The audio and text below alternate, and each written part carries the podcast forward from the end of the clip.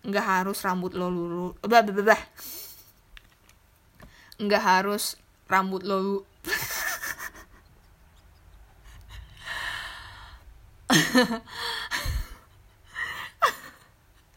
ngakak sumpah.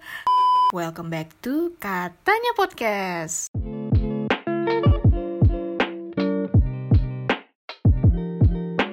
Kapan hari itu setelah gue selesai menunaikan ibadah sholat maghrib ya Gue tuh udah niat banget buat eh, ngetik skrip katanya podcast untuk episode kali ini. Cuma pas gue ngidupin laptop Indikator baterai lemah tuh kedap-kedip. Karena yang sebelumnya ini bukan gue yang pakai laptop ini. Jadinya niat gue yang udah 99% buat ngetik itu jadi ambiar hilang gitu aja. Karena adik gue habis pakai tuh nggak di charger cuy. Aduh, sumpah kesel banget gue dan hah, emang dasar pengen dijokrokin ke gorong-gorong kali ya anak ini. Bukannya dirawat malah dibiarin gitu loh barang laptop yang nggak bisa dibeli dalam waktu dekat gitu loh kalau rusak gue dari bulan Januari sampai Mei ini di tahun 2021 tuh cukup berjuang, cukup struggle sama apa yang gue jalanin. Mulai dari gimana caranya untuk lebih memerhatikan target setiap kerja, terus mengatur keuangan dengan bijak, menghadapi permasalahan keluarga, nebelin telinga untuk teman-teman kantor yang toksik, terus menghadapi dan menerima doa-doa yang tertunda, orang-orang yang mulai meninggalkan gua karena persoalan hidup masing-masing sampai akhirnya di topik krisis percaya diri. Kali ini gue mau bahas poin yang terakhir ya, bukan satu-satu. Kalau satu-satu mungkin kita punya season 2. eh, season 2, episode part 2 lah istilahnya. Dan gue mau bahas poin yang terakhir mengenai krisis kepercayaan diri atau biasanya disebut dengan insecurity. Kalau baca di sosmed itu ya di komentar-komentar tuh pasti sering kita nemuin, aduh gue insecure kok dia tuh good banget sih dan gue tuh nggak bisa good kayak dia gitu. Oke, gue tuh buat disclaimer dulu ya untuk episode kali ini. Dan gue buat episode ini bukan berarti gue udah 100% terbebas dari insecure, enggak. Karena bagi gue, pelajaran buat ngeredain insecure ini butuh waktu yang enggak bisa diprediksi. Bisa jadi ini pelajaran seumur hidup. Dan mungkin, dan gue ingetin nih, episodenya mungkin durasinya bakal panjang banget. Jadi so, uh, kalian gue harapin bisa mendapatkan poin penting dari episode yang gue bawain kali ini. Jadi gue tuh follow Instagram uh, penulis, salah satu penulis gitu. Dia itu udah nerbitin uh, tiga seri bukunya dan gue suka uh, setiap apa yang dia bahas di um, tiga seri buku karyanya. Mungkin ada beberapa yang gue nggak setuju, tapi 90% gue yakin gue suka apa yang dia bahas. Dan dalam waktu dekat ini, beliau bakal launching buku barunya dengan topik insecurity. Pas gue lihat judulnya itu yang gue tangkap ya secara mentah-mentah. Karena kan belum ini nih, belum terbit. Kok lama-kelamaan penulis ini kayak meromantisasi insecure ya? Mungkin perasaan gue aja kali ya, karena kan ini baru gue lihat dari um, judul, belum dari apa namanya, dari isi buku tersebut. Dan dia um, dalam waktu dekat ini akan mengadakan pre-order. Jadi mungkin kalian tahu penulis tersebut atau mungkin juga nggak tahu. Gue nggak akan sebut namanya di sini. Kalau bicara soal insecure, gue tuh paling mentok soal uh, insecure tuh paling fisik. Yang pertama fisik, yang kedua prestasi, dan yang lagi satu tuh pertemanan. Gue sempat cerita sama teman gue, uh, paling yang gue ingat itu adalah insecure soal fisik, yang kedua prestasi. Tapi gue akan tambahkan yang ketiga ini pertemanan kalau gue bahas tentang fisik ya mungkin uh, gue ngerasa fisik gue nggak sebagus apa yang sering gue lihat di sosial media dan gue sering lihat kok wajah gue nggak semulus uh, dia alis gue nggak tebel wajah gue kusam hidung gue nggak mancung gigi gue nggak rapi dan lain sebagainya. Terus kalau soal prestasi gue ngerasa prestasi gue ya kayak mentok di situ aja gitu loh. Gue memang uh, cuma karyawati biasa gue wanita karir biasa. Kayak ngerasa gue nggak ada yang terlalu bisa dibanggain sedangkan yang lainnya itu karirnya tuh bisa cemerlang dan dikenal banyak orang. Istilahnya itu ya gampang banget gitu loh berbaur gampang banget punya relasi gitu. Hal itu yang bikin gue sering overthinking tiap malam. Kayak ada aja gitu buat eh, bahan buat nangis tiap malam. Karena pikiran gue tuh segitu berisiknya karena tiga hal itu gue nggak punya pendengar untuk bahas ini dan di satu sisi gue juga nggak pengen ngerepotin orang buat mikir apa yang jadi keresahan gue gue juga trauma cerita ke seorang yang bisa gue percaya yang udah yakin gue uh, yang gue udah yakin dia tuh uh, bisa gitu loh jadi pendengar yang baik tapi malah akhirnya diberi solusi di saat gue nggak minta atau cuma dibalas yang sabar ya gitu. It's like tai banget nggak sih? Gitu. Sebelum lo nyuruh gue sabar gue tuh udah sabar duluan gitu dan selama itu pula gue tuh masih mencari-cari solusi gimana sih caranya ngeredain krisis percaya diri ini. Ngeredain itu bukan totally hilang semua loh ya. Ngerti kan maksud gue ya? Cara A gue lakuin gak berhasil cara B gak berhasil cara C sampai ngerasa gue pakai sampai cara Z tuh juga nggak nggak berhasil Sampai akhirnya gue nemuin sebuah screenshot Twitter dari @studikinase. Gimana sih bacanya nih? Studi Kinase ya, bukan Studi Kinase.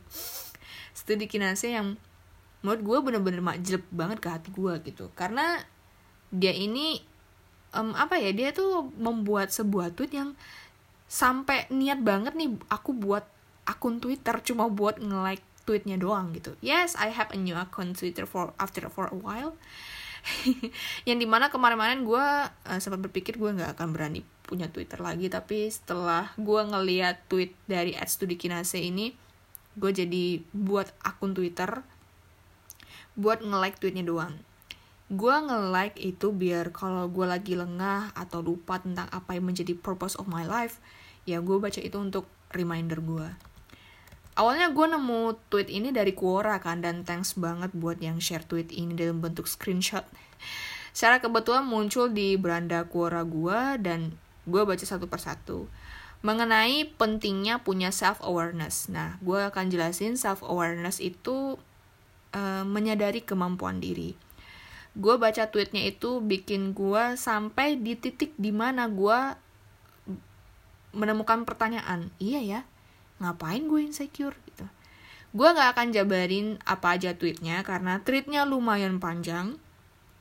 Jadi kalau kalian mau lihat kalian bisa cek di akun twitter yang bersangkutan at studi kinase. Studi ini s t u d y k i n a s e. Nah di situ dia banyak banget kalau dilihat dari uh, timeline twitternya itu banyak banget tweet-tweet yang bermanfaat banget buat kalian khususnya yang mungkin kuliah atau mungkin yang lagi struggle sama insecure atau pokoknya uh, topik tentang hidup itu dia ada di sana. Termasuk uh, tentang uh, eh, self awareness ini dia banyak banget punya thread di sana thread thread ya bacanya. Jadi kalian bisa stalking di akun twitter yang bersangkutan. Dalam case gue gue sering ngebandingin diri sama orang lain yang gue lihat itu lebih bersinar prestasinya terus wajahnya lebih bersinar karena skincarean atau ya emang dari orang dia udah glowing gitu loh dan gue tuh enggak gitu. Nah yang pertama gue akan bahas masalah fisik terlebih dahulu ya. Kalau udah bahas fisik ya emang gak ada habisnya gak akan ada ujungnya gitu. Nah gue sering banget mendapat konsumsi berita mengenai good looking privilege gitu seseorang yang memiliki wajah cemerlang dan diyakini 95% masalah akan selesai kalau lo punya privilege itu. Sedangkan kan gue gak punya privilege itu. Orang lain boleh bilang, ya ampun dah lo tuh cantik, buat apa sih lo gak pede gitu. Dan lain sebagainya yang nadanya seperti itu, yang mengatakan gue cantik gitu. Ya terima kasih gitu loh. Tapi um, di pikiran gue tuh bertanya balik gitu pada diri gue sendiri. Masa sih? Emang bener ya? Gitu. Emang bener gue cantik? Emang dari mananya mereka ngeliat gue cantik? Gitu. Nah setelah gue berdialog dengan diri sendiri akhirnya gue menemukan ya ngapain gue insecure? Gitu. Kalau boleh pede banget ya nama itu kan doa ya dari orang tua. Nama lengkap gue tuh nama, uh, doa dari orang tua. Dan nama tengah gue itu ada kata Ayu. Nah Ayu itu artinya apa cantik kan? Ya ya udah berarti aku cantik gitu loh. Kalau ada yang punya privilege itu ya ya udah gitu loh. Kalau gue nggak punya ya udah gitu. Kalau kulit gue udah uh, misalkan ada kekurangan gitu ya udah gue terima. Dan gue rawat dengan perawatan yang mampu gue bayar dengan penghasilan sendiri. Jangan pakai kartu kredit gitu ngutang minjem ke orang terus habis tuh orang nagih ke lulu marah-marah gitu. Gue bayar dengan penghasilan gue sendiri entah itu gue pakai skincare yang sesuai aturan ya sesuai dengan kebutuhan kulit gue terus konsumsi makanan sehat atau nabung nanti biar gue bisa perawatan di klinik kecantikan. Gue ngelakuin hal itu bukan gue nggak menerima diri gue apa adanya ya. Itu di luar itu kayaknya beda konteks lagi deh. Ya kalau bagus nih dari lahir ya gue rawat lah semampunya gitu loh. Masa iya gue biarin kusam gitu loh? Kayak malah justru itu nggak mensyukuri apa yang Tuhan kasih gitu loh. Yang awalnya mungkin kulit gue mulus kayak misalkan mungkin nggak kusam gitu terus gue biarin nggak gue rawat terus kusam gitu kayak nggak menghargai pemberian Tuhan gitu loh. Dan jadinya nggak sehat dan nggak nyaman di gue nya gitu. Konteks nggak menerima diri apa adanya mungkin kayak mengubah fisik sampai total dan itu tuh udah termasuk berlebihan bagi gue sesuatu yang berlebihan itu nggak baik ya. Baik lagi dalam konteks berlebihan itu masing-masing punya versi.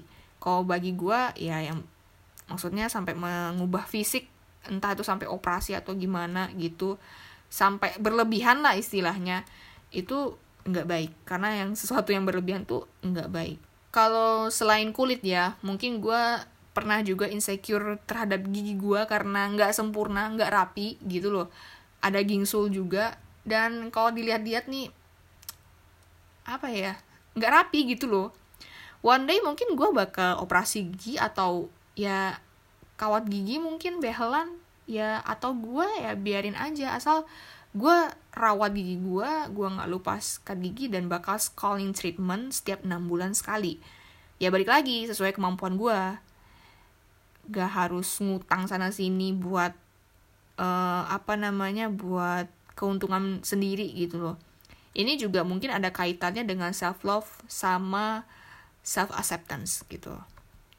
Mungkin gue nggak akan menyangkal kalau di dunia ini memang ada yang diciptakan cantik banget cantik aja biasa aja jelek dan buruk rupa. Beauty standard like a shit ya. Bagi gue ya lo nih misalkan nih perempuan ya lo tuh nggak perlu punya kulit putih untuk dibilang cantik gitu. Wajah yang lo punya tuh nggak perlu mulus. Mungkin ada yang geradakan atau mungkin yang kena jerawat scar gitu ya. Lo kalau mau jadi perempuan tuh nggak harus punya wajah yang mulus. Lo nggak harus punya rambut yang lurus. Lo nggak harus memiliki gigi yang rapi gitu loh. Nggak harus punya hidung yang mancung atau badan ideal kayak uh, bentuk gitar Spanyol gitu bagi gue ya lo tuh cantik asal terawat gitu loh. Kalau misalkan ya gue gue uh, membiarkan diri gue apa adanya. Ya kalau lo uh, punya penyakit kulit kayak misalkan jerawat nih lo nggak ada usaha buat nyembuhin itu ya nggak terawat tuh namanya gitu loh. Bahkan gue nggak mau ngejudge orang yang jerawatan banyak itu bukan berarti mereka nggak ada usaha untuk ngetrit kulit mereka. Pasti mereka sedang berusaha gitu loh karena kan jerawat itu muncul deng itu dengan beberapa alasan berbagai alasan entah itu hormon salah makan salah skincare breakout purging aku juga nggak tahu kan. Tapi kalau misalkan lo emang nggak ada niat untuk ngetrit kulit lo lo biarin uh, diri lo jerawatan kusam itu ya nggak terawat kulit lo cuy gitu loh. Bagi gue tuh cantik itu beragam gitu. Kayak uh, kata Dian Sastro ya cantik itu beragam gitu. Karena kalau uh, cantik kita sama gitu ya pasti bakal bosan gitu loh. Kayak aduh cewek yang kayak ini nih udah biasa gue lihat di bla gitu. Dengan segala beauty shaming yang hadir di lingkungan lo atau lingkungan orang lain ya cantik beragam aja lo bisa kemungkinan ngejudge hal itu gitu loh. Nge-shaming hal itu. Apalagi kalau cantiknya itu sama gitu loh. Sama dengan standar shit yang lo buat atau lingkungan yang lo punya gitu. Yakin gue 90,9 eh 99,9 persen itu lo bakal bosan kalau cantiknya sama gitu. Yang lo perluin biar terlihat beda tuh apa? Attitude and be yourself. Lo juga perlu attitude lo juga harus mempunyai kemampuan diri untuk menutup aib-aib lo yang gak usah lah diumbar gitu loh. Dan jadilah diri sendiri gue nggak habis pikir di sosial media tuh at least kayak TikTok gitu ya. TikTok terus habis itu di share di Instagram. Itu tuh ada yang bangga gitu loh dengan aib-aib yang harusnya lo ya itu jadi konsumsi pribadi lo gitu loh. Harusnya lo jadiin apa ya itu privacy lo gitu. Gak usah diumbar-umbar ke sosmed. Kayak ya harga diri belakangan terus FYP nomor satu gitu jangan. Lo harus punya kemampuan untuk menutupin aib-aib lo yang nggak usah diumbar lah gitu. Lo harus pintar memilah mana yang pantas dibilang be yourself mana yang kagak. Jadi wahai anak-anak muda pakailah otak anda sebaik-baiknya.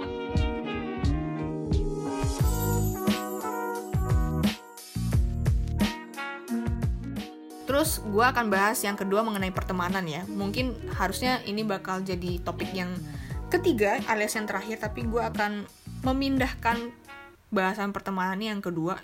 Mungkin gue gak akan um, bahas panjang-panjang. Karena seperti yang sudah-sudah gue itu udah sering kali menghadapi kenyataan kalau orang-orang tuh suka gak betah temenan sama gue gue ngambil kesimpulan negatifnya kayak gitu ya. Orang-orang gak betah temenan sama gue yang bikin gue insecure itu adalah ketika gue lihat orang-orang kok bisa ya punya pertemanan sampai belasan tahun. Sedangkan gue tuh nggak bisa gitu. Selalu saat gue pertahanin gue mau pertahanin pertemanan itu sampai ya satu tahun aja tuh udah syukur banget gitu loh. Tapi kalau sampai belasan tahun tuh nggak bisa cuy. Pasti ada aja tuh mereka pergi entah alasannya apa juga gue males nanya gitu loh. Dan pertanyaan yang sering berisik di kepala gue adalah apakah segitu nggak layaknya gue punya teman dekat? Dan apa yang salah dari gue gitu loh. Gue mencoba untuk be wise gitu be kind be a kind person. Tapi kok nggak bisa gitu loh. Tetap aja orang-orang tuh teman-teman gue tuh bakal pergi dari gue gitu. Lalu gue perlu waktu untuk menyadari gitu. People will change memories done.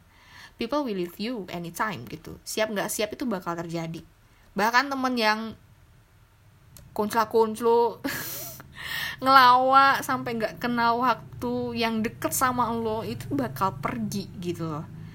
Siap nggak siap diduga maupun tak terduga dia tuh bakal pergi gitu mengenai pertemanan sampai belasan tahunnya yang gue lihat di Instagram kan gue nggak tahu gitu loh masa-masa yang pernah mereka lewati apakah ada keributan yang mereka hadapi sampai hampir pecah kemarahan apa yang mereka hadapi gue nggak lihat itu. Gue yang uh, lihat di sosmed tuh yang bagus-bagus aja. Ya namanya juga media sosial cuy ya gue sebagai pribadi kalau memakai Instagram gue pasti akan nge-share apa yang menurut gue bagus gitu. Nggak mungkin dong gue nge-share hal-hal pribadi yang mengganggu gue kayak misalkan drama-drama kemarahan gue sama temen gue misalnya drama apa yang gue hadapin gue share di Instagram. Gue mulai memilah apa yang harusnya uh, orang-orang tahu dan mana enggak gitu loh. Gue masih belajar sampai detik ini. Masalah pribadi tuh mungkin nggak mungkin gue apa namanya gue share di Instagram gitu dan kelebihannya dari um, apa yang gue lihat di sosmed yang gak gue lihat itu adalah uh, kemarahan atau keributan yang mereka hadapi adalah mereka sama-sama punya niat untuk balik gitu loh kalau mereka menghadapi keributan atau kemarahan atau apalah perpisahan gitu. Mereka tuh sama-sama punya niat untuk balik gitu. Sedangkan di gue nggak ada.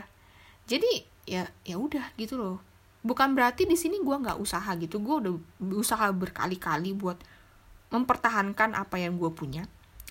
Ketika gue menghadapi sebuah permasalahan lalu gue maafin terus habis itu terjadi lagi permasalahan yang sama gue maafin dan itu berulang kali siklusnya. Siapa sih yang nggak males gitu loh? Akhirnya kembali lagi ke jargon gue ya udahlah mau gimana lagi? Gitu loh. Jika orang itu memang senang tanpa gue ya ngapain gue capek-capek minta mereka balik?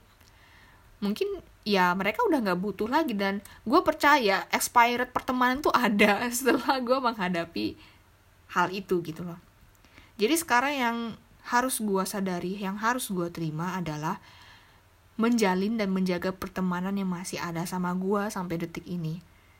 Gue beri kasih sayang uh, kepada orang yang semestinya gak hanya ke teman-teman gue tapi juga keluarga gue yang mau pergi ya udah pergi aja gitu.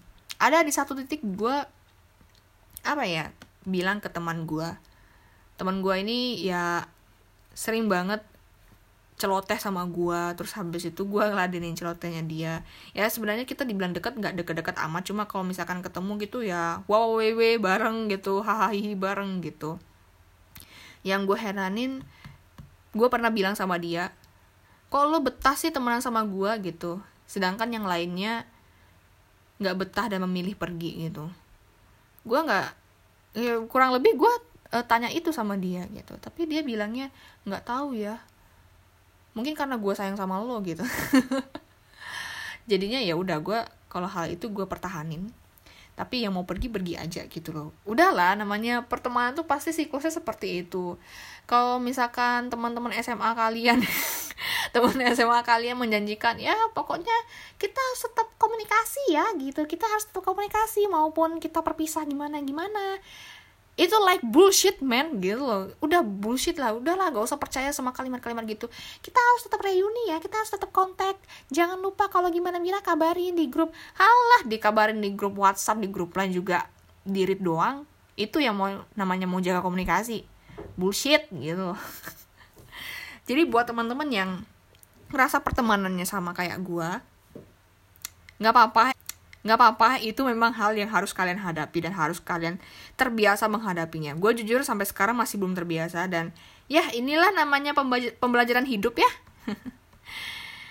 Dan gue juga punya kelebihan and I say this kelebihan dalam tanda kutip kelebihan yaitu gue tuh suka banget me time. Gue suka jalan-jalan sendiri tanpa perlu khawatir diprototin sama orang. Dan itu adalah rasa syukur gue sebagai uh, manusia yang tinggal di Bali ya karena rata-rata di sini tuh cuek aja gitu loh kalau ada yang jalan-jalan sendiri gitu. Kalau gue masuk ke Starbucks sendiri ya orang-orang nggak bakal peduli gitu. Mereka akan peduli sama apa yang mereka hadapi entah tuh kerja atau ngobrol sama temen. Nggak